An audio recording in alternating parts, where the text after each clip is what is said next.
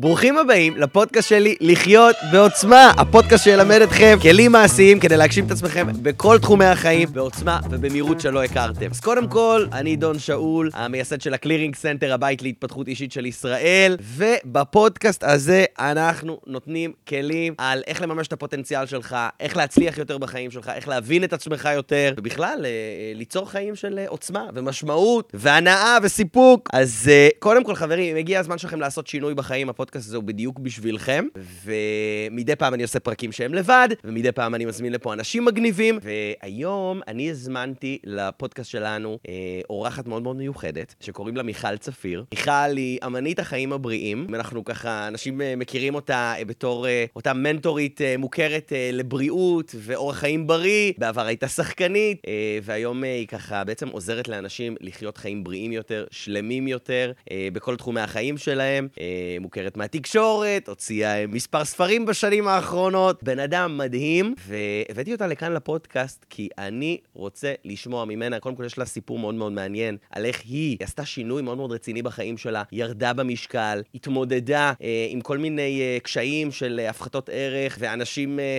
נחמדים בסביבה, והבאתי אותה לפרק פה כדי שתיתן המון המון המון השראה. על איך אפשר להתחיל לחיות חיים בריאים יותר, שלמים יותר, כי בעיניי בריאות זה חלק בלתי נפרד מ- מהנפש שלך, ומלחיות בעוצמה ומלהצליח בחיים. אז uh, קבלו את מיכל.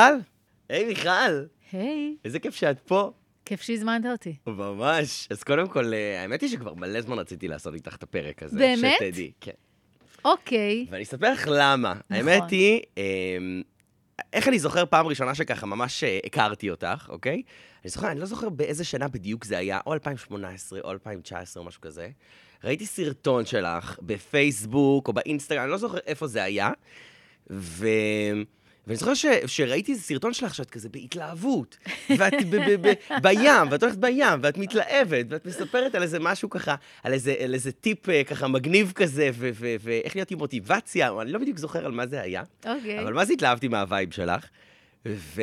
וראיתי... ואנחנו ב-2022, לקח לך רק לקח לי אה, ארבע קצת, שנים. כן, זהו, זהו, זהו, ממש. תשמעי, אז לא היה לי את הפודקאסט, אז זה רק אתה עכשיו אומר קרה. שנכנסתי ל- לתודעה, כי... נכנסתי לתודעה, ואיך זה קרה? כי אני זוכר שראיתי את הסרטון הזה והתלהבתי ממך, ואז ראיתי שאנשים שם הגיבו לך, מה, איזה מוזרה, איזה זה, כאילו כל מיני תגובות כאלה, אוקיי? שעכשיו, תגובות שגם אני הייתי רגיל לקבל אותן.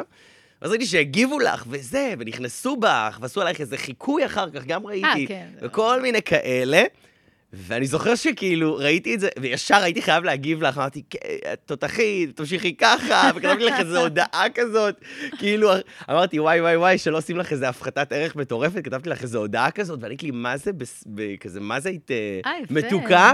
ואז אמרתי, יואו, איזה מהממת, ונשארת לי כזה בתודעה, ואז כשפתחתי את הפודקאסט, אמרתי, וואלה, אני חייב להזמין אותך. אני שמחה. כי כשאתה באמת פנית אליי ברשתות החברתיות וסקרנת אותי, אז הסתכלתי, ובדרך כלל האנשים שפונים אליי זה באמת מהתחומים של אורח חיים בריא, כמו שאנשים תופסים את זה.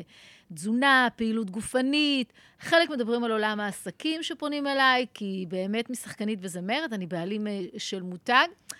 ואתה מדבר בעצם על התפתחות, ואני החלטתי לפני, יודעת מה, שנתיים, שזה המיקוד שלי, שלשם אני רוצה ללכת, ש, שאני רוצה להסביר שבעצם אני מדברת על טרנספורמציה בריאותית, וטרנספורמציה בריאותית מתחילה מה- מההתפתחות התודעתית שלנו. וכשאתה פנית, אז אמרתי, או, הנה, זה מתחיל לעבוד. אנשים מבינים שיש כאן גם משהו אחר. אז תודה ממש, שהזמנת אותי. ממש, קודם כל, באהבה וכיף לי שאת פה. ואת יודעת, מה שככה גם הדליק אותי, ראיתי, ראיתי את הסרטון הזה, אמרתי, וואו, איך את שומרת על החיוביות שלך, על האנרגיות שלך, על ההתלהבות שלך, איך את לא שמה פס על מה ש... את יודעת, אומרים, אה, אה, אה, יורדים, מבקרים וכן הלאה. ותגיד לי, איך, איך, מה, מה, איך את עמדת בדבר הזה? איך את עמדת בכל הביקורת, התקפות, מה שזה לא יהיה? אז תראה, תקופה. להגיד שאתה לא שם פס, זה לא יהיה נכון. אני Mhm. אנושית, ובבסיס שלנו אנחנו רוצים שיאהבו אותנו. זאת האמת. אנחנו רוצים להגיע לקהלים רחבים, אנחנו רוצים לגעת באנשים, אבל אין מה לעשות. אם אנחנו מביעים את דעתנו, כנראה שלא כולם יעופו על הדעה הזאת, ויהיה מי שיתנגד לה. עכשיו, יש אנשים שאומרים דברי טעם, ואני יכולה לדלות מבין מה שהם אומרים שאין כאן איזשהו רוע. יש כאן כוונה טובה, הם מבינים מי אני, ויכול להיות שאני, יש כאן משהו שאני יכולה ללמוד ממנו. ולפעמים אני קוראת את הדברים ואני אומרת, איך זה יכול להיות שזה מה שהוא הבין? אני בכלל התכוונתי הפוך. ואז אני אומרת, האחריות שלי, אולי אני צריכה למצוא דרך יותר מדויקת להעביר את המסרים, כי אם בסופו של דבר זה מגיע הפוך ממה שאני התכוונתי, מה זה משנה שזה מה שהתכוונתי? אז בכל ביקורת, אם אתה מנקה אותה, אז אתה אומר, אני יכולה ללמוד מזה משהו. אבל במקביל יש את תחושת הערך. אני יודעת מה אני שווה. אני יודעת מה, מה אני רוצה, אני יודעת מה המניעים שלי, אני ממוקדת. ו, ואם אתה בא ממקום כזה, כן, אני לא מוציאה את הדברים, את התכנים שלי, ואני אומרת, כמה, כמה לייקים, כמה קיבלתי, גם אם יהיה אחד שיגיד, יואו, זה הגיע לי בול בזמן, אני את שלי עשיתי, כי, כי אני עושה את מה שאני עושה, כי לי יש צורך לשתף. זאת האמת, לגמרי. דון. הצורך שלי הוא לשתף. ולא להיות צודקת, לא להיות קונסנזוס, וגם להתפתח. אז כל ביקורת כזאת היא גם אה, מפתחת אותי, אבל להגיד שאין מצבים שאני נעלבת, גם אני חוטאת בזה, שמלא מלא מלא דברים טובים, פתאום משהו שלילי, ואימנתי את עצמי לא לענות מיד, כי זה לא פייר, כתבו דברים טובים. תעני לכל הדברים טובים, למה לבחור לענות דווקא לזה? עכשיו, מסיבות שיווקיות אני יכולה להגיד לך, כשאתה עונה למישהו שלילי, והאל, והאלגוריתם מזהה את זה, ופתאום נהיה דיאלוג, ואז זה נהיה ויראלי. אבל אני, זה קרה, אבל זה קרה לי באופן טבעי, לא בגלל שחשבתי מניפולטיבית לעשות בדיוק. את זה. בדיוק.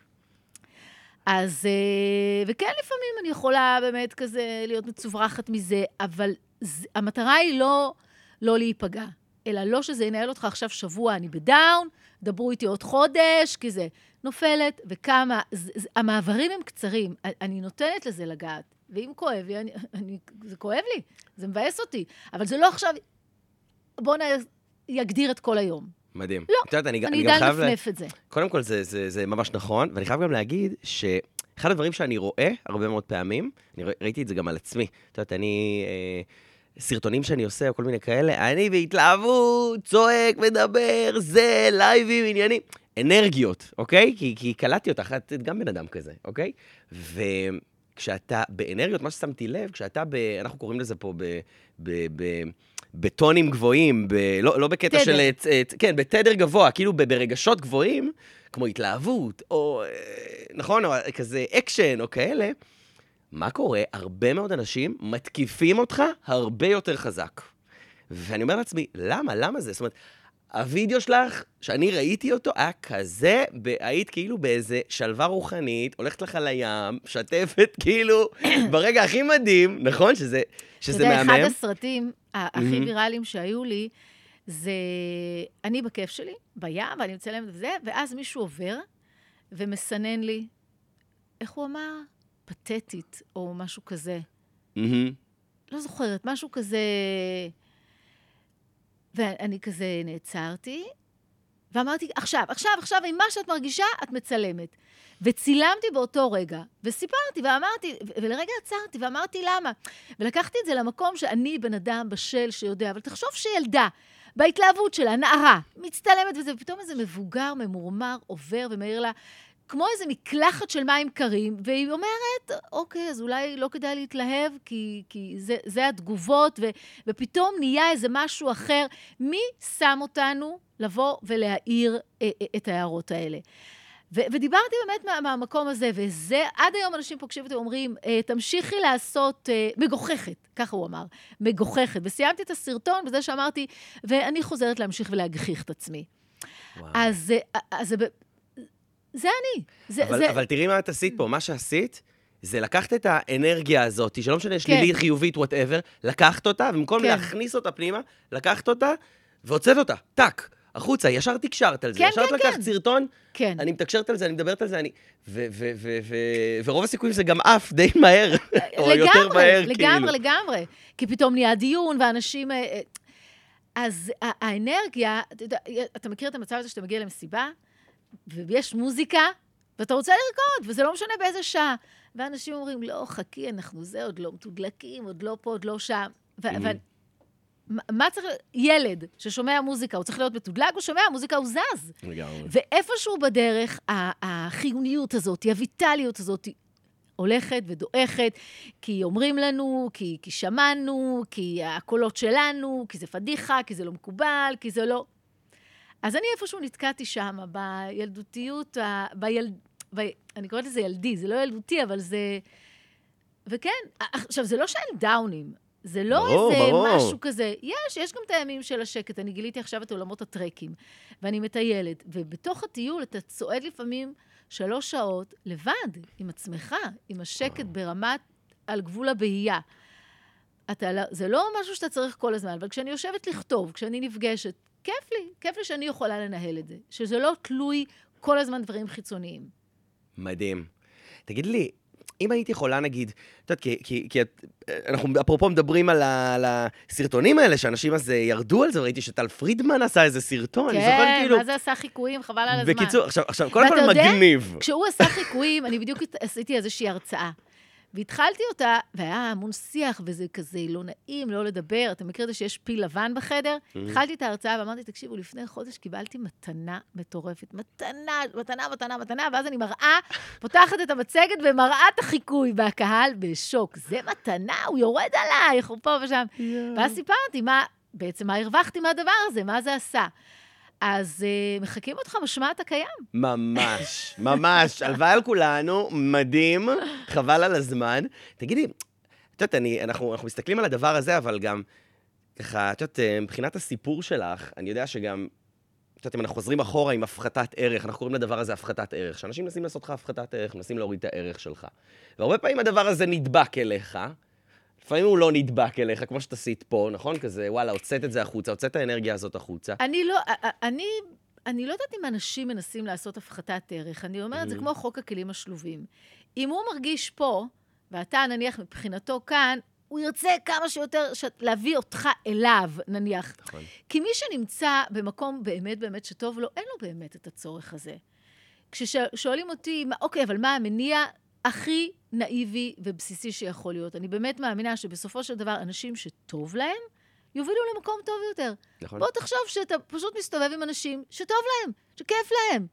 לא. ממורמרים, לא נותנים לטראומות לנהל אותם, וזה זה משהו שהוא מתאפשר לא בגלל שאין טראומות, בגלל שאם יש לך את, ה, את הידע ואת ההבנה באמת שבסופו של דבר זה איך אני מנהל את הדברים, את המחשבות האלה, את האמונות האלה, את הדברים בתוך הקופסה הזאת, והדיאלוג עם הלב, ו...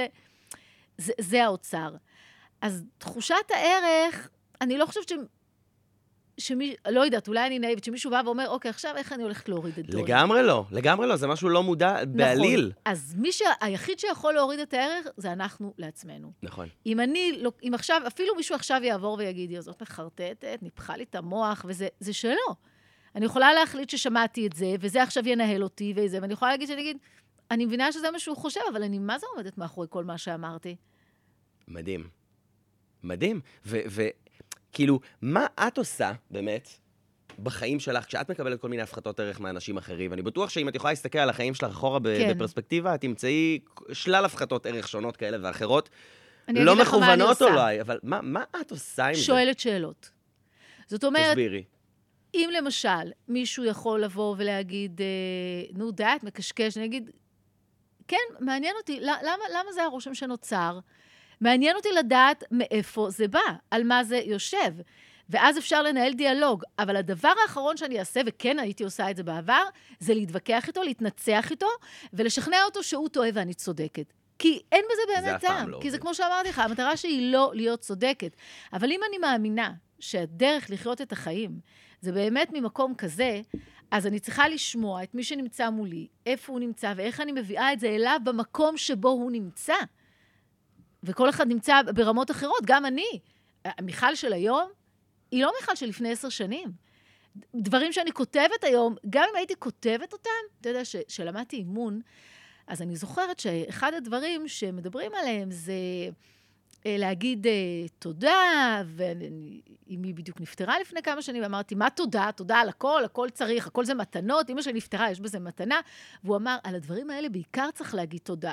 ואני ממש התכווצתי. היום, זה, זה נראה לי הדבר הכי טבעי בעולם. שהכל בסופו של דבר, אחד, אין מה להתווכח עם מה שקרה. ואם אני, כואב לי, זה כל מה שאומר זה אני אוהבת את אימא שלי, ואהבתי אותה, ואני אתגעגע לנוכחות שלה. זה הכל. אם יש דבר אחד ודאי, אנחנו נמות, כן? לפחות ב, ב, ב, בפיזיות שלנו. לגמרי. אז, אה, אז ברגע שאתה מבין את זה, אתה חי חיים אחרים, אבל לא יכולתי להבין את זה אז, לפני עשר שנים, שהתחלתי ללמוד, נחשפתי להמון דברים, אז אני רואה גם את האבולוציה שלי. אז כשאני פוגשת בן אדם, אני אומרת, אני פוגשת את עצמי לפני עשר שנים. אז מה אני אומרת לעצמי לפני עשר שנים? את לא טובה? את לא בסדר? היום זאת רמת הסבלנות. היום רמת הסבלנות היא לא אתה טועה, אתה טעות. אתה, זה, זה השיח. אפס סובלנות. אבל אם אנחנו חוזרים לבסיס של סובלנות ואמפתיה, וזה מה שזה בא ללמד אותי. הבן אדם הזה שבא ואמר, אני לא חושבת שהוא בא להעליב אותי. הוא בא מהמקום שלו. אז, ומה כולנו רוצים? שיקשיבו לנו. נכון. אז מה אני עושה? פשוט שואלת שאלות. מתעניינת בו. מעניין אותי, למה אתה חושב את מה שאתה חושב? לא בהקשר אליי. להכיר אותו, מי נמצא מולי. מדהים. זו הזדמנות לפתח דיאלוג, ללמוד משהו חדש. ללמוד אפשר בכל רגע נתון, מכל בן אדם, כמובן מספר, מהרצאה, פודקאסט, מה, מה, מה, מהיקום, אבל אתה צריך לבוא פתוח לזה. נכון, אני אוסיף עוד משהו שאני חושב שחוץ באמת, באמת מלשאול שאלות, שזה גאוני, אתה בעצם, כן, לא אתה, אתה רוצה הנחות. להבין, לא אתה רוצה הנחות. להבין, אתה לא רק פשוט מקבל את זה. אז קודם כל, זה ש... לשאול שאלות ולהבין באמת מה, מה עומד מאחורי זה, זה מדהים.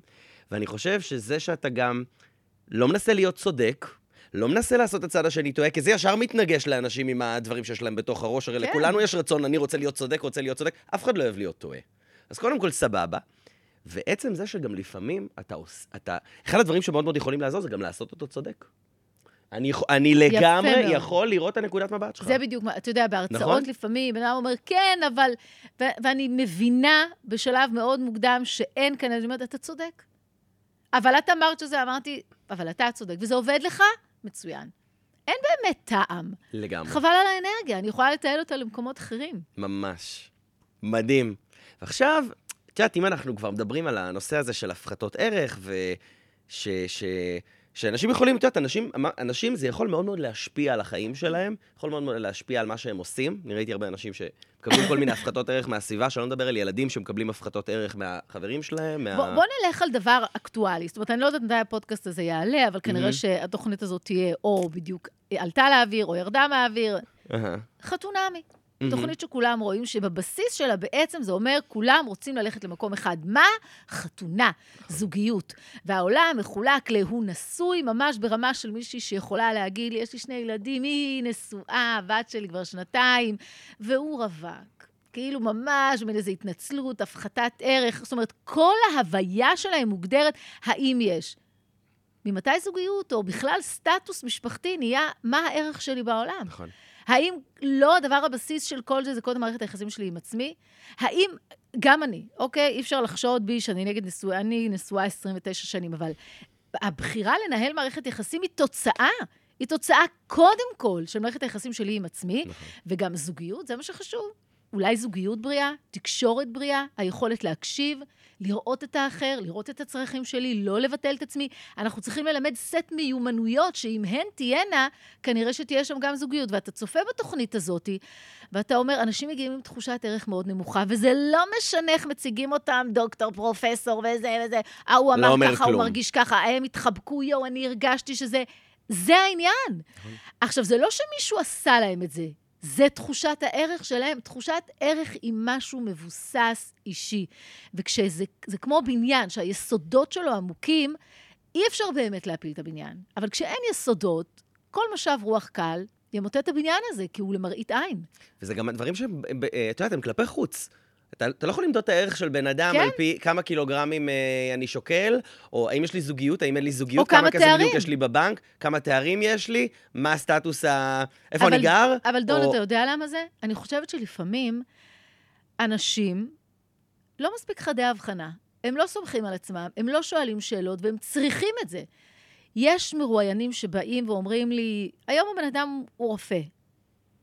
אבל הוא יגיד לי, כשאת מציגה את עצמי, אותי, תצייני שהייתי טייס.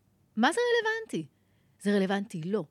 הוא יודע שמי שנמצא שם בצד השני, בגלל שהוא לא יעריך אותו רק על פי השיחה, אבל אולי אם הוא ישמע שהוא גם טייס והוא גם זה וזה, הוא יבוא ברמת קשב אחרת. למה? הרבה פעמים כשאני מבקש מאנשים להציג את עצמם, לא עם הסטטוס המשפחתי ולא עם התארים שלהם, מי הם? מי הם? מה ההוויה שלהם? הם לא יודעים. וואו. הורים מתקשים לתאר את הילדים שלהם בלי הדברים האלה. זה מדהים. ואנחנו את מה עצמנו שאת אומרת, זה לפעמים. ממש נכון. אני... אבל מי, מי אתה? בלי כל הדברים האלה. מי אתה? חקרן? סקרן? נדיב? תלמיד נצחי? כ- מי? אבל אנחנו כל כך הסתמכנו על הדבר הזה כדי להציג את עצמנו, שזאת הבעיה. אני חושב שגם אנחנו, אתה יודע, מה, זה כולנו, גם לא כולנו בעיה, נופלים זאת ב- המציאות. נכון, ואני חושב שגם כולנו נופלים בפח הזה של... על פי זה אנחנו בעצם שופטים אנשים. האם שווה לי לדבר עם הבן אדם הזה? כן, האם שווה כן. לי להשקיע איתו זמן? האם שווה לי... האם שווה לי להתחבר איתו או לא להתחבר איתו? על פי כל כן, מיני מאפיינים חיצוניים, חומריים, שבעצם, הלו, אנחנו לא חומר, נכון. אנחנו רוח. זה שכל אחד במקום אחר מבחינת חומר, סבבה. אבל כל האנשים הם חשובים. כל בן אדם הוא חשוב. כן. נקודה. כן. נכון? כן, כן, כן. אבל, אה, אבל, אבל יש אנשים שבאמת זקוקים לזה, אני אומרת, ללמוד היום. הידע היום כל כך נגיש, אתה יכול ללמוד בכל כך הרבה פלטפורמות, בכל כך הרבה מסגרות. אז יש גם את המסגרת האקדמית, שיש לה והיא מוכרת, אבל אם אתה רוצה ללמוד, תלמד, לשם הלמידה. נחשפתי פעם אה, לאיזשהו פודקאסט שה- שהתעסק על עולם החינוך. והוא אומר שבבסיס של החינוך בארץ זה היה לימודים בחדר, זה מה שהכירו. ואז באיזשהו שלב, כשזה יצא מהחדר, אמרו, אוקיי, איזה מוטיבציה תהיה לילד, לילדים ללמוד, אם בסוף לא תהיה בחינה? מה זאת אומרת? כשילד לומד משחק, הוא נבחן עליו? כן, הוא משחק. השורש הזה, שאם לא יהיה מבחן, הילד לא יקשיב, אתה, אתה מבין את העיוות שנוצר? זה לא נורמלי. אבל, אתה יודע, אני לומדת כל הזמן, אני לא נבחנת בסופו של דבר. החיים אולי מהווים איזה מבחן, אם למדתי משהו ויישמתי אותו בחיי היום-יום. אבל, אה, אז זה המצב. נכון? אנשים גם הרבה פעמים לא מבינים. וכנראה שזה גם איזשהו מסננת טבעית, לא יודעת. נכון, גם הרבה, גם הרבה פעמים אנשים לא מבינים, אני חושב שהוציאו לנו את כל הכיף מלמידה. את יודעת, למידה זה, זה, בעצם, בסופו של דבר זה כיף. קרה לך פעם שישבת, לא יודע, בוודאי. בגוגל, לא יודע, לי זה קורה, בפלואו. אה, אה, אה, וידוי שלי, כן, קורה לי, אני חושב בגוגל, קורה איזה משהו בוויקיפדיה, פתאום אני נכנס לערך אחר ולערך אחר ולערך אחר ולערך אחר, אני יכול לשבת ככה איזה שעתיים. כן. בן זוג שלי יושב לידי, אומר לי, טוב, מה, מה עכשיו נכנסת? ואני ב- ב- עכשיו בהיסטוריה של האימפריה הרומית, לא יודע איפה. זה נורא כיף, אבל כאילו הוציאו לנו את הכיף מזה. כן. חייב להיות בחינה, חייב להיות... וזה הכל על בסיס, בוא, בוא נעריך אותך, בוא נבדוק אותך, בוא לזה, בוא לפה, בוא לשם. אתה יודע, אחד הדברים שאני כן, אה, אה, במסגרת ההתפתחות שאנחנו מדברים עליה, לחזור קצת באמת אל, ה, אל הפרינט. ולא, כי באמת כשאתה קורא היום מאמר, יש אה, דגש, ואז אתה לוחץ על הדגש, ואתה נכנס לדבר אחר, ואתה לא זוכר, והבנו שכולם בתחרות על דבר אחד שהוא היום הדבר הכי יקר, תשומת הלב שלנו. זה מה שאנחנו רוצים. וברגע שאני חוזרת אל הפרינט, אני מחזירה את הניהול אליי. אני מחליטה במה אני רוצה להתמקד, ואני מחליטה במה אני רוצה להעמיק למידה, ואני לא אסיח את דעתי מדבר לדבר לדבר, ותפסתי מרובה ולא תפסתי. על זה בדיוק זה עובד. כי מה הלינקים האלה בעצם מוודאים? שאתה תישאר שם יותר זמן. אם פעם המדינה הכי יקרה הייתה זאת שהיה לה את הנפט, נכון? נפט זה משאב, היום המדינה הכי יקרה היא זאת שיש לה את המשאב הכי יקר, והוא תשומת הלב שלנו. נכון. וזה פייסבוק, וזה גוגל, וזה כל, כל הדברים האלה. והמידע שלנו, שלא נדבר על זה, אבל נכון, ממש. כן. אז, אה, אז יש את הקדמה, ואני אומרת, מבחינתי, ההתקדמות שלי היא ההבנה שאני מחזירה את הניהול קצת אליי. אני מאוד אוהבת, אני משתמשת, אני נמצאת בכל הפלטפורמות, אבל קצת, קצת אה, החזרתי את הדברים ל- לקצב שלי. מדהים. עכשיו, את יודעת, אני רוצה רגע לקשר את זה, כי היום, מה שאת, אה, ככה, שאני גם רואה שאת מאוד מאוד עוסקת בו, ואת תאירי את אה, עינינו, זה המון בקטע של אורח חיים בריא. ו...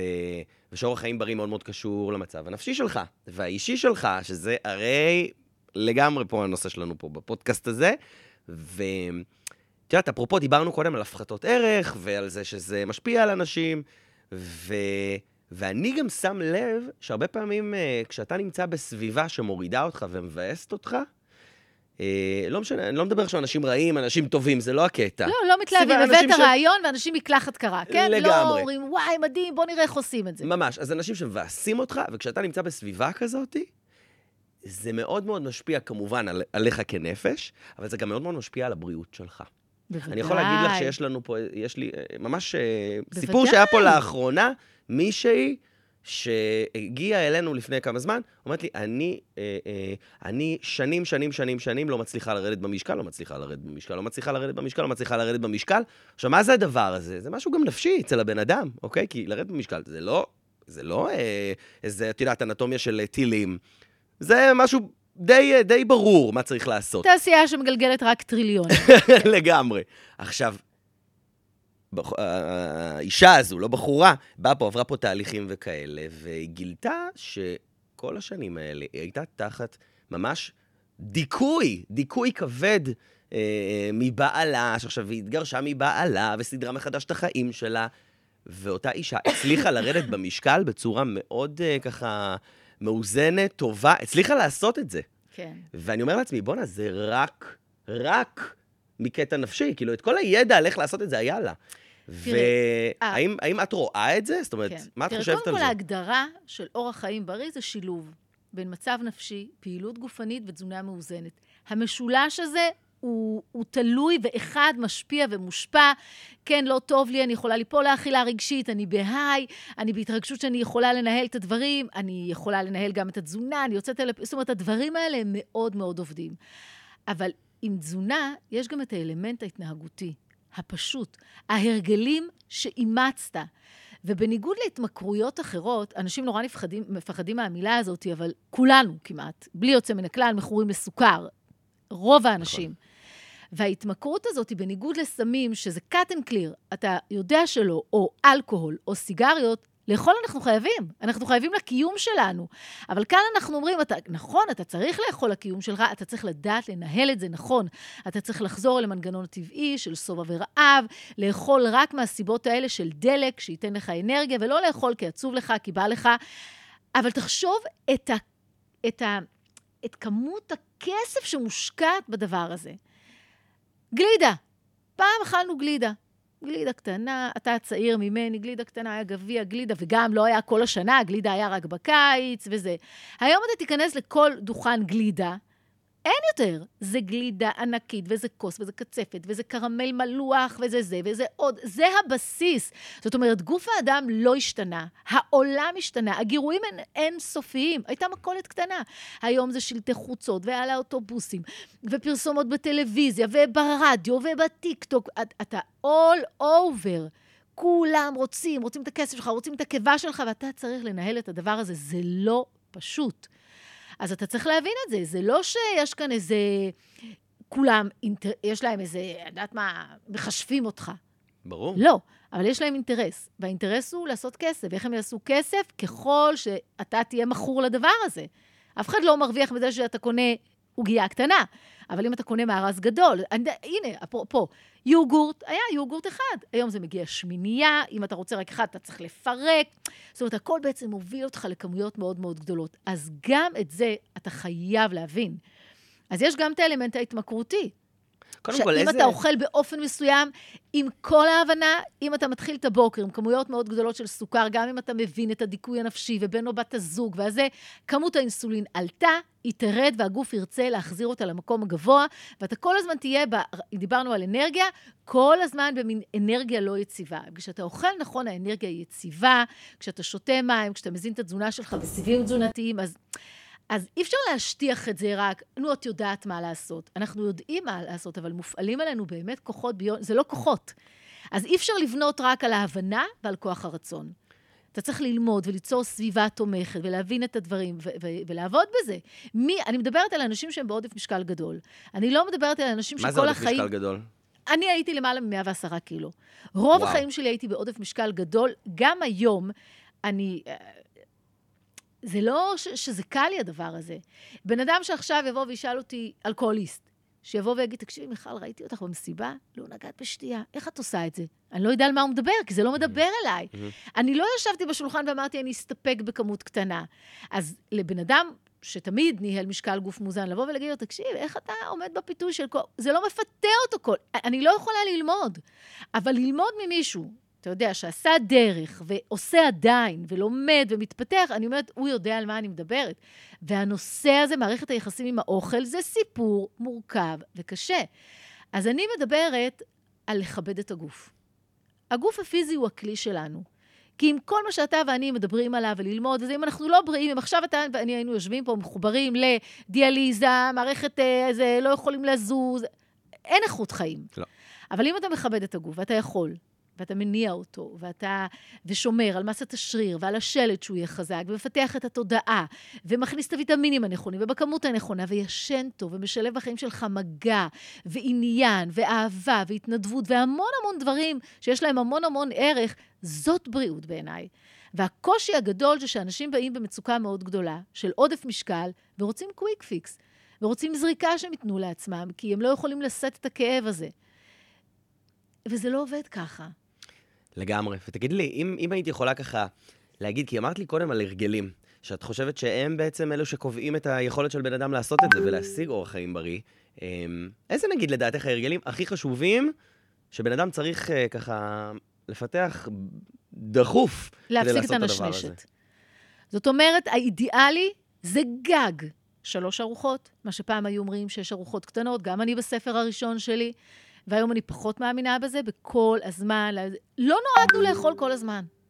באבולוציה שלנו גם לא אכלנו שלושה ימים.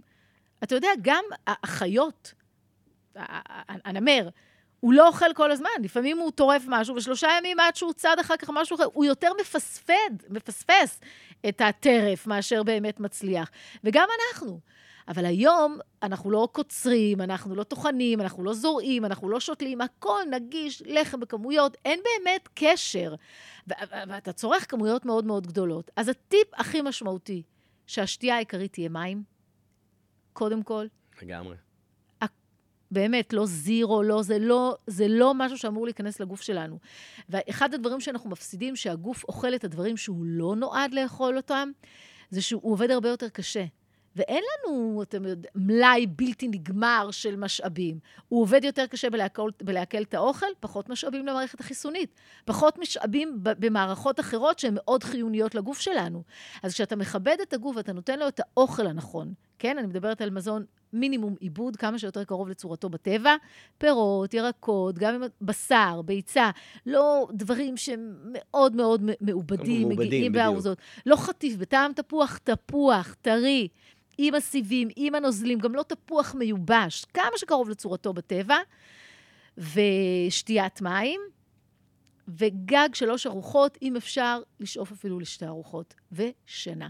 שינה איכותית. נכון. אני קוראת לזה היגיינת שינה, נקייה ממסכים, מרעשים, וזה הכבוד. זה הכבוד. כשאני מדברת על הגוף, זה הכבוד שאני אומרת. נכון. ואם אפשר לתרגל גם מדי פעם מדיטציה, תרגול של להיות כאן אתה ואני פה. אנחנו לא בשום מקום אחר, אנחנו כאן, בשיחה, פה, אחד עם השני, שירים מבט, אנחנו לא פוזלים, הניידים לא נמצאים פה בכלל. ואז אתה מצליח להגיע לאיזושהי איכות. בדיוק. אז קצת להפסיק למקבל, כי דיברנו על זה שאורח חיים בריא זה לא רק כמה אני אוכלת וכמה אני זזה, אמ, ולחיות חיים פעילים. מדהים. לזוז. ממש. כל דבר עדיף משום דבר. נכון, את יודעת, אני, אני חייב לספר לך משהו. אני לפני שנה בערך, שנה וחצי, אה, את יודעת, כל כך הייתי עסוק ב- בעבודה ובעשייה ובבנייה ו... ופתאום קלטתי, בואנה, ממש עליתי במשקל, ואני החלטתי, יאללה, לוקח את זה פרויקט. עכשיו, זה, בשבילי זה, זה היה עניין של החלטה. זאת אומרת, ממש החלטה, איזה ערב אחד, ישבתי, חשבתי על זה. זיהית מה ההרגלים שהובילו אותך לעלייה במשקל? כן. מה? קלטתי שלא היה לי חשבון, דין וחשבון על אוכל. נו, אוקיי, אני צעיר, בסדר? אז אה, לא היה לי, לא היה לי חשבון על אוכל, אבל יאללה, אני קצת אה, מתחיל להתבגר. אבל זה לא השתנה.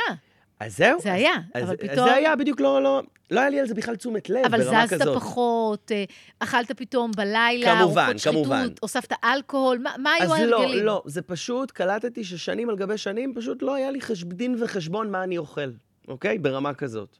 אז יאללה, בוא, בוא נשנה את זה. תקשיבי, תוך שלושה חודשים הורדתי 20 קילו. 20? פאף. כן. רק עצם זה... אני בהלם. ככה, דור, רק עצם דוק. זה, וזה היה לפני שנה, כאילו, אני הכל אה, זה. אז כשהיית עם ו- העוד 20, כמה זמן היית במשקל הזה? אה, אני חושב ש... איך הגעת ל-20? לא הבחנת? החלפת בדים? זה לאט לאט, קודם כל זה לאט לאט. אחרת לגמרי. קודם כל זה היה לאט לאט, וזה עלה לאט לאט. בן זוגך אה, לא העיר לך? לא... תשמעי, הוא זורם איתי. מבחינתו היה לו עוד, עוד אה, בשר לתפוס, אז יאללה, בסדר. אבל בקיצור, מפה לשם זה... ופתאום קלטתי שבואנה, מה זה, הלו? אה, אני רואה את זה על הפנים שלי, אני רואה את זה בזה. לא היית יותר יאללה, עייף. יאללה, יאללה. אה, לא קלטתי שזה השפיע עליי ככה, אני בן אדם מאוד אנרגטי, אז זה לא, זה לא היה קטע, אבל אמרתי, יאללה, אני רוצה להרגיש יותר טוב, להרגיש יותר קליל. לקחתי את ההחלטה הזאת, באותו רגע, טאק, עשיתי את מה זה. עשית? עכשיו, מה עשיתי? זה היה קודם כל, איפה, איפה נפל לי האסימון? הייתה לי שיחה עם אימא שלי, אימא שלי אומרת לי, דון, יאללה, תעשה דיאטה. טוב, יאללה, עכשיו אני עם אימא שלי, אנחנו מדברים על הכל. ו- ואז אמרתי, תקשיב, אמרתי לה, כן, אבל מה, מה אני אעשה? מה אני עושה לא בסדר? זה לא שאני אוכל הרבה. קלטתי שאני אוכל... אה... פשוט היא אמרה לי, תשמע, אתה אוכל ארוחות עם ימבה של קלוריות, זה העניין. זה לא שאני לא אוכל בהכרח אה, דברים אה, אה, בריאים, או, או שאני משלב... אה, אורז אה, כאלה וזה מלא, וזה. אבל אבל, אבל, הר. אבל, לא- לאו דווקא אולי הר, אלא פשוט דברים שהם עתירי קלוריות. זה שאני אוכל גם חלבון, גם פחמימה, גם זה, גם זה, גם זה. כמויות גדולות. בדיוק, אבל בדיוק. ובאותו יום הבהרתי את המילה קלוריה. לא ידעתי בדיוק מה זה אומר. שמה זה, מה הקטע? מה הקטע של הקלוריה הזאת? זה בעצם, אה, זה, זה מה שהמאמץ שלוקח לגוף לשרוף את מה שאתה, להוציא כן, אבל החוצה זה את לא מה רק שאתה... קלוריה. כי קלוריה של תפוח וקלוריה של שוקולד זה לא אותה קלוריה. נכון, ברור. כי יש גם ברור. משהו שהגוף משקיע אנרגיה בלעכל את האוכל. נכון. וכשאני מדברת על הכבוד לגוף, בוא נגיד שיש עוד פרמטרים, גם מה המקור של הקלוריה, לגמרי. האם היא משולבת שומן וסוכר, אבל זה נכון, שום דבר לא השתנה. בסופו כן. של דבר, כדי לרדת במשקל, אתה צריך להיות במאזון, במאזן קלורי קלורי, בדיוק. שלילי. נכון. אבל אם אתה עסוק רק בספירת קלוריות, אתה. נידון, דון, למאבק תמידי. נכון. זאת אומרת, אתה תרד, אבל uh, אתה תתאפק. אני לא יכול, כי אני, אני גמרתי את מכסת הקלוריות שלי. אבל אם אתה אוכל נכון, אתה מפסיק את המאבק. וזה נכון. מה שאנחנו רוצים. אנחנו נכון, רוצים נכון, לצאת ממאבק לשחרור. ממש. אתה לא רוצה כל הזמן להיות, אוקיי, היום הצלחתי, לא הצלחתי, לא, עכשיו גמרתי כבר את הקלוריות שלי. וכשאתה אוכל נכון, אתה אומר, וואלה, אין לי צורך למתוק. לגמרי. תגיד לי, מה, מה את נגיד ממליצה לבן אדם שהיה רוצה לעשות תהליך כזה, או לרדת בצורה כזאת, או לא בצורה כזאת, בכלל, פשוט להיות הרבה יותר בריא, כזה, מה, מה, מה, מה באמת הדבר שהכי הכי היית ממליצה? מה, איזה טיפ היית יכולה לתת לבן אדם שעושה את אז זה? תראה, כמו שאמרתי, אני חושבת שכדאי ש... אני למשל לא אגיד שחייבים לאכול ארוחת בוקר, פעם באמת חשבתי, יש אנשים שלא צריכים, אני למשל ממש לא חייבת, ואני קמה ברבע לחמש בבוקר ויוצאת לריצה, ושלוש פעמים בשבוע גם יש לי אימון פילאטיס, והיום אני גם רוקדת, התחלתי לרקוד ריקודים סלונים, איזה כיף. יואו, ומטיילת, אבל אה, לפני 12 אני- אני פשוט לא רעבה, אז אין עם זה שום בעיה. אבל כן, אני שותה כמובן מים, אספרסו, אספרסו קצר. תעשירו את הצלחת שלכם בירקות, וכשאתם אוכלים את הארוחה, תתחילו מהחלבון והירקות, ואת הפחמימה תשאירו לסוף. אם בחרתם לאכול מנת פסטה או כריך, זה כמובן בעייתי, לפחות תעשירו את הכריך בעלים ירוקים. אז once הכנסת את הסיבים, זה, זה כבר ייתן לך תחושת שובע, כל האוכל מתעכל יותר לאט, אז זו תחושת שובע שהיא יותר ממושכת, לאכול בנחת, ללעוס. מה זה בעצם לעיסה? זה להפוך את האוכל לעיסה. וברגע שהאוכל הוא עיסה, הוא מתעכל יותר נכון, כל הוויטמינים נספגים, אתה אוכל לאט, אכלת כמות הרבה יותר קטנה. יש לנו איזשהו הורמון שמדווח למוח שהוא שבע, וזה קורה בערך אחרי 20 דקות, בתנאי שישנו טוב בלילה. אם לא ישנו טוב בלילה, ההורמון הזה לא מתפקד כמו שצריך, אנחנו צריכים הרבה יותר פחמימות ואוכל מתוק, ואנחנו אוכלים כמויות יותר גדולות עד שהמוח מקבל את, את ההבנה שהוא שבע. אז ברגע שאכלנו לאט, 20 דקות, פתאום אני מבינה שאני שבעה, ולא אכלתי כל כך הרבה. אבל אם אכלתי מהר, מהר, מהר, מהר, ב-20 דקות אני אוכלת כמות הרבה יותר גדולה. אז, אז אלה באמת הדגשים, אבל אני לא אגיד שזה קל.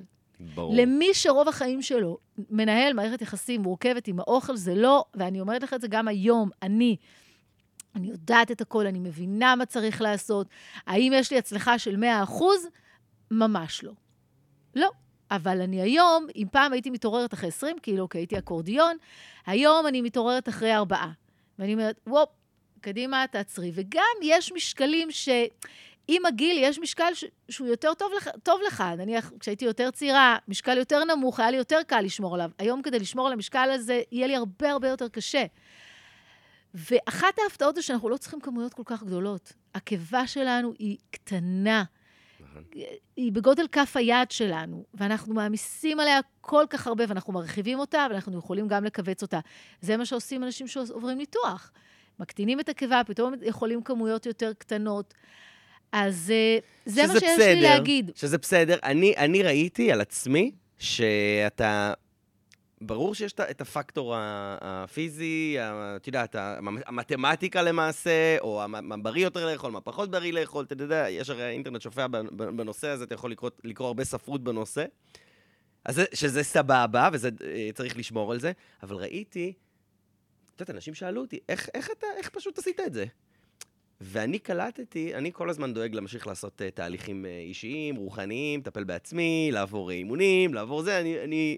זאת אומרת, מבחינתי זה חלק מה... זה, זה, זה המכון כושר הנפשי קודם כל, שלי. בסיפור שלך יש ו- כאן דבר אחד מאוד משמעותי, לקחת אחריות. נכון. אתה מבין? לקחת אחריות, הבנת שזה תלוי בך. רוב האנשים יגידו, זה לא תלוי בי, זה הגיל, זה הגנטיקה, אין מה לעשות, זה כולם, מי שאוהב אותי, אוהב אותי כמו שאני, כל מיני דברים כן, כאלה, כן, והתעורר באירוע הלבבי הקרוב. בדיוק. אז אתה לקחת אחריות לפני שהיקום, אתה יודע, בא ודפק לך פטיש על הראש, כן, אמרת, כן, לא כן. בא לי ככה. לגמרי, לגמרי, כן? לגמרי. ו- ואני קולט ש... את יודעת, אם לא הייתי, אם אני לא הייתי משקיע בעצמי כנפש, אם אני לא הייתי ב... ב, ב בגישה כזאת, וכשאני מחליט על משהו, אז זה קורה, את מבינה? ואני חושב שזאת יכולת נפשית של בן אדם, שכשאתה מחליט משהו, זה קורה. הרבה פעמים יש אנשים לוקחים החלטה, למה- וההחלטה לעמוד שלהם מאחורי מתנדפת. המילה. כן, וההחלטה שלהם מתנדפת, לקחו החלטה, החלטה מתנדפת. אז אתה יודע, אגב, למה זה קורה הרבה פעמים? למה, תספרי לי. אני יכול להגיד לך מצידי, כן? אבל... תראה, אני חושבת שה... מה מקור המוטיבציה לעשות את זה הוא מאוד מאוד משמעותי. למשל, אם אני מחליטה שאני עושה כי... אפרו- אני אקשר את זה למה שדיברנו על תחושת הערך. אני רוצה שהוא יעריך אותי יותר, ואני רוצה, זאת אומרת, כל המוטיבציה שלי מונעת, אני מפחדת שהוא יעזוב אותי, אה, אני מפחדת שלא יאהבו אותי, אז המוטיבציה הזאת תלויה משהו אחר, והיא מנוע בעצם שמונע מפחד, לא מאהבה.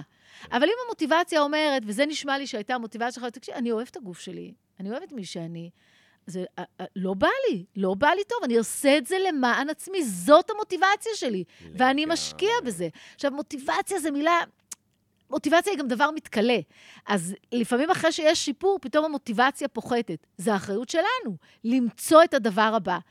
הרבה פעמים, אם קיבלנו החלטה ואנחנו מתקשים לעמוד מאחוריה, מלבד הדברים שדיברנו, התמכרות וכוחות פיזיולוגיים, זה מה המנוע לעשות את השינוי, מה המנוע לעשות את ההתפתחות. והאם אני כל הזמן שמה שם עצים במדורה הזאת כדי להישאר על האדג', כדי שתהיה לי את, ה...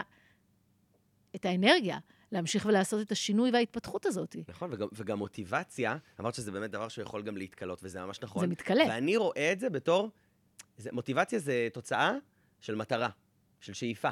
יש לך איזושהי מטרה, יש לך איזושהי שאיפה, אז הנה, עכשיו במשקל גוף מאוזן, מה השאיפה שלך? אז זהו. השגת את המטרה, מה השאיפה בדיוק, עכשיו? אז קודם כל, לי, השאיפה שלי, זה אני רוצה להיות, אמיתי שלי, שלי אישי, אני רוצה שכל התחומים, אני מאמין שכשכל התחומים של החיים שלך, אז הם אה, סבבה, מבחינתך, אוקיי, להערכתך שלך, וואלה, יהיה לך טוב בחיים. יפה. אז אמרתי, אוקיי, רגע, גוף, סליחה, זה חלק מהחיים שלי, נכון? חוץ, חוץ מהנפש, חוץ מהזוגיות, חוץ מהכסף, חוץ אז מהמשפחה. דון, אני אשאל אותך אחרת. הגוף. כשהיית בעודף משקל, מה יצא מאיזון? מה היה לא סבבה? כי בעצם עודף המשקל שלך מהמם. הייתה תוצאה של משהו שיצא מאיזון. אתה יודע מה? כן, מה? משהו אישי, אבל טיפלתי בו. הבנתי. אבל כן, זה אין ספק שהיה לזה קשר למשהו אה, ממני אתה רוצה נפשי, שאני אישי, אתפשט, מטאפורית, הזמן. אבל אתה שומר את הקלפים קרוב קרוב לא, לא, אליך. זה, אה, תשמעי, לא, זה- זה. זה משהו אישי. אבל תקשיב, אבל- זה מה שאני אני יכול מתכוונת להגיד- לקחת אחריות. כן, כן, כן. לקחת אחריות זה בעצם להבין, כי עודף משקל, מינוס בבנק, מערכת אה, אה, זוגית אה, לא מפרגנת, כל הדברים האלה הן תוצאות. של מה? של הבחירות שעשינו, של ההתנהלות שלנו. אז נכון. אם אני אומרת, אוקיי, מה, מה, מה פה איזון? אני אתן לך אפילו משהו, משהו קטן. מהמם. כשאנשים לפעמים יכולים לבוא אליי, ואני שואלת כל מיני שאלות, לפעמים השורש, התקיעות הזאתי, הבן אדם לא למד שום דבר כבר שנים. לא עשה שום דבר שקשור להתפתחות אישית. וזה השינוי שהוא עשה, נרשם לקורס חדש. בא לו לקום בבוקר, הוא פתאום פוגש אנשים, מתלבש, זה, נכון? זה פתאום יכול להוות מנוע. אז אנחנו תקועים, ותקיעות זה יכול להיות תקיעות במשקל, אתה מרגיש שהזוגיות תקועה, אתה מרגיש... תקיעות זה הדרך שלנו, של הגוף, לאותת לנו שהפסקנו להתפתח, ואנחנו מפחדים. נכון. וכדי לטשטש את התקיעות הזאת, את הכאב של התקיעות, מה נעשה? נשתה משהו, נעשן משהו, נאכל משהו, נגייץ את הכרטיס אשראי. ככה אנחנו לומדים להתמודד עם הכאבים. במקום נכון. להבין מה יש שם. אז התפתחות, לקיחת אחריות, זה הדיאלוגים שאתה צריך לנהל. אז יכול להיות לגמרי. שעכשיו מישהו שומע אותנו ואומר, יואו, חיים בלה לנד, אני פה שורדת, אני צריכה לשלם שכר דירה, למי יש כוח וזמן לכל הדברים האלה? חייבים. זה הביצה הזמן והתרנגולת, הזה מזה אתה הוא לא מתחיל. מותרות. נכון. זה must. נכון. זה הבסיס של, של הצלחה בכל תחום בחיים שלך. נכון. ולפי איך שאתה מגדיר את זה, נכון? הצלחה לא אין לך לפי... חמש דקות עם עצמך, לשבת עם עצמך, לענות על כמה שאלות, זה לא חיים. זה לא ממש. חיים, לא משנה כמה, כמה אתה מרוויח, זה לא חיים. ממש. אני רוצה לדבר איתך על עוד משהו מעניין, ש... מה, עד עכשיו לא היה מעניין? אה, אה, קודם כל, לי היה מאוד מעניין. צוחקת. אבל אני רוצה לדבר איתך על משהו ככה אה, ש- שעניין אותי. כי את יודעת, אה, אה, אה, משפחתך, מכירים אותה, אוקיי? נכון? את הכלה של טוביה צפיר. אה, אני ראייה של אה, יואב, בדיוק, אה, נכון? אז, אה, היוצר של הכוכב ועוד דברים. לא, הבת שלי שחקנית, מאיה, יש את שירה המהממת. אז קודם כל, מה- מהמם. ברמות. איזה כיף משפחה כזאתי. של אנשים אה, מדליקים כל בוא, אחד לא בפני הכל עצמו. אבי דבי, יש. הנה, היום, לפני שבאתי, קיבלתי הודעה מהבת שלי, טענות, טענות, טענות. נשמתי, אמרתי, אני אוהבת אותך, אני שמחה ששיתפת, אנחנו נדבר. ברור. בסדר, זה אנשים, ברור. ברור. You're not alone. אה, אבל את יודעת, כאילו, אני בטוח שבאיזשהו שלב מסוים בקריירה שלך, בחיים שלך, היה בעצם את כל ה... את יודעת, איך שאנשים אחרים רואים, או אנשים אחרים תופסים, שבעצם את סוג של כביכול, או אומרים שאת כביכול בצל שלהם, או בצל של אנשים אחרים, או שהם אה, בפרונט, או משהו כזה. איך את התמודדת עם הדבר הזה, שכאילו... אני חושב שהרבה אנשים מרגישים את זה לאו דווקא אה, באותן נסיבות כמו שלך, אולי בנסיבות אחרות בחיים, שכאילו הם לא בפרונט, והם לא מביאים את עצמם באמת אה, להיות אלה שיוצרים את החיים שלהם. תמיד הם מאחורי מישהו או משהו כזה. אני לא יודע אם ככה הרגשת, אבל אני חושב שאם אנשים אחרים רואים את זה, מעניין. האם, האם, אה, האם קיבלת כאלה תגובות בחיים שלך אי פעם, מאנשים אחרים או משהו כזה? תראה, כשאני זוכרת שהתראיינתי לאיזו תוכנית, ואני כזה, ש... לאיזו תוכנית טלוויזיה, ואני יושבת בבית קפה אחרי ה... השידור, ואני פשוט שומעת שיח מאחוריי, שהם לא ידעו שאני יושבת, שהיא אומרת, ראית אותה בטלוויזיה, בטח בעלה סידר לה. עכשיו, זה הצחיק אותי. האם כבר, היה לי הרבה יותר קשה בגלל יואב, ולא בזכות יואב, בגלל באמת המקומות האלה. חצי מהתוכניות לא יכולתי להשתתף, כי הוא הבמאי, כי הוא העורך. עכשיו רוקדים עם כוכבים. תוכנית שהייתי מתה להשתתף בה, אני לא יכולה, חוקי האתיקה לא מאפשרים. כי יואב הוא. הבמאי, והוא העורך, והוא המפיק, ולא אפשרי. אבל זה שלהם, דון. כשמישהו בא ואומר, אתה הולך לישון עם עצמך, אם אני הרגשתי, והיו תקופות, אני אומרת לך את האמת, הבנות היו קטנות, ואני הרגשתי שאני לא עושה מספיק, אבל לא באתי בטענות אל, אל, אל יואב. שיתפתי אותו באיך שאני מרגישה, שאני לא עושה, וכשיש תקשורת טובה, אז יואב אמר, אז, אז מה הבעיה? אז את יכולה לעשות, בואי תעשי, ואז פתאום אני עושה, ואני פחות בבית, ופתאום הוא עושה פרצופים, ו- אבל גם הוא יכול לבוא ולהגיד לי, תקשיבי, נכון, אני שמח שכיף לך, אבל, אבל קשה לי עם זה, ואני לא יודע להיות מספר שתיים, ואני מרגיש שעכשיו אני מספר שתיים. זאת התקשורת. זוגיות טובה היא לא אה, חפה מקשיים, מוויכוחים, היא רק מאפשרת לזה, לנהל את השיח, להביא את עצמי מבואסת. אבל אף פעם לא הייתי מבואסת ואמרתי, זה בגללך. וזו האחריות שלך להוציא אותי מהבאסה, ואתה צריך להיות צוות הוואי ובידור, ואתה צריך להיות המנוע מאחוריי. אם אני יודעת לדבר על מה שאני מרגישה, ולבקש עזרה ספציפית, אתה יכול לבוא היום יותר מוקדם להיות עם הבנות כדי שאני אצא לריצה, זה קונקרטי, ואם הוא יגיד שלא, אז אני אביא בייביסיטר. האחריות היא שלי. זה לא קשור. ממש. ומה שאנשים תופסים, זה שלהם. אני מזמן לא נמצאת במקום הזה לרצות, מה יגידו, מה יחשבו. כיף לי. כן, הייתה איזה פעם שהייתה לי, אה, יואב נסע לאיזה טיול, מהמם. יאכטות מהמם, שזו הייתה נסיעה ספונטנית, והייתה לי הרצאה. ואז כתבתי, שמעתי, יואב, יואב נסע, ואיזה כיף לי, ואני כל כך שמחה בשבילו. ואנשים אומרים לי, מה, את נורמלית? למה לא ביטלת את ההרצאה? זה בכלל גם הייתה הרצאה בהתנדבות. אמרתי, זה לא עלה על דעתי, וכל כך כיף לי שהוא נהנה. מה יותר כיף מבן זוג מאושר? נכון. מה יותר כיף מזה? ולי זה נראה ממש common sense, ואני אעשה את הדברים, אני אעשה את הדברים שאני אוהבת ואני רוצה. אז אה, אם לא כיף לי, זה לא בגלל שנניח יואב מצליח יותר, או מישהו אחר מצליח יותר ממני. אם לא כיף לי, זה כי אני מרגישה שלא הבאתי לידי ביטוי את מה שאני מסוגלת, את מה שאני רוצה, את היכולות שלי, תחושת החמצה, זה אני מול עצמי. מדהים. זה לא שם. מדהים, מדהים, מדהים. לפי כל מה שאת מספרת לי, וזה מדהים לראות את זה בכל מיני תחומים בחיים שלך, שזה מדהים לראות איך כשבן אדם משפר תחום אחד בחיים שלו, ו- ואני בטוח שזה משהו ש... את יודעת, כשלמשל שיפרת את כל התחום של בריאות, ואת התחום של אה, להתחיל לאהוב את עצמך הרבה יותר. אתה משפר איזשהו תחום אחד בחיים, תחומים אחרים משתפרים בעקבות זאת. נכון. אני אתן לך דוגמה פשוטה.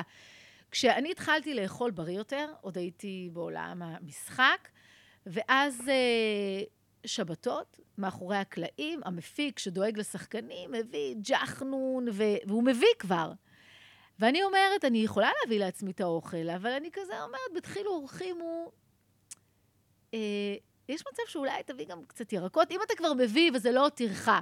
בראש עוברת לי איזו מחשבה שהוא יגיד, זאתי, מה היא חושבת פרימדונה? אבל אני אומרת, אני אשאל. ופתאום הוא מביא, ושאר הקאסט מאוד מאוד מבסוט. עכשיו, הפנייה אליו הגיעה מהמקום הבריאותי. אבל ללא קשר, הוא פתאום יכול להזמין אותו, ולהגיד, תקשיבי, אני עושה פלקט חדש, מה, מה דעתך על הפלקט? פתאום הוא מסתכל עליי בעיניים אחרות, כי בחרתי לקחת אחריות על החיים שלי, ואני נתפסת על אצלו כבן אדם אחראי, אז בואו נדבר איתה ונשאל אותה את דעתה על דברים אחרים. כי המשאבים ליצור את החיים שאנחנו רוצים זה אותם דברים. דיברנו על לקיחת אחריות, על האמונה שזה אפשרי, להשקיע בזה זמן, ללמוד, להבין איפה זה לא עובד בשבילי. אני אפילו לא משתמשת במילה טעות, זה פשוט לא עובד. אני עושה דבר מסוים ולא מגיעות התוצאות המיוחלות. אז בואו נעשה אחרת. כן, אנחנו לא רוצים להודות שאנחנו חס וחלילה טועים, אבל אתה יודע, אמר את זה איינשטיין, לא אני. בדיוק. לעשות עוד ועוד מאותו הדבר ולצפות לתוצאות אחרות, זה כנראה לא יקרה. אז אז פתאום זה משתנה, ואז פתאום הקריירה משתנה.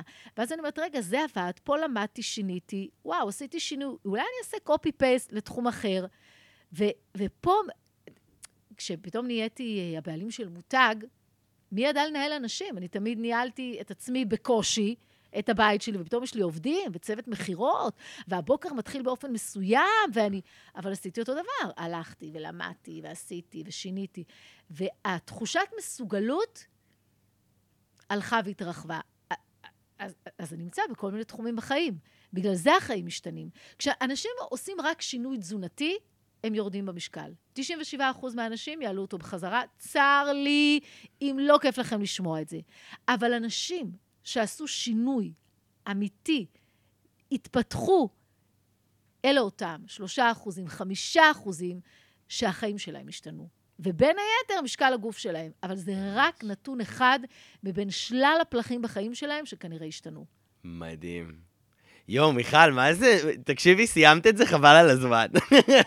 סיכמת לנו את זה במדהים. אז קודם כל, אני, אני ממש רוצה להגיד תודה ש... שבאת ושיתפת. בבקשה. ואני חושב שאנשים פה הולכים... אה, נראה לי, נראה לי אפשר להקשיב לפרק הזה פעמיים, לקבל ממנו תובנות ולרשום, וזה מדהים. ו...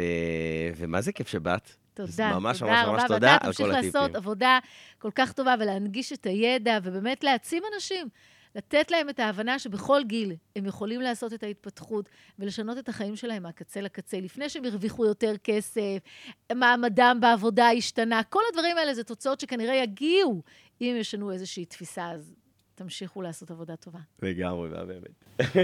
תודה רבה. בכיף.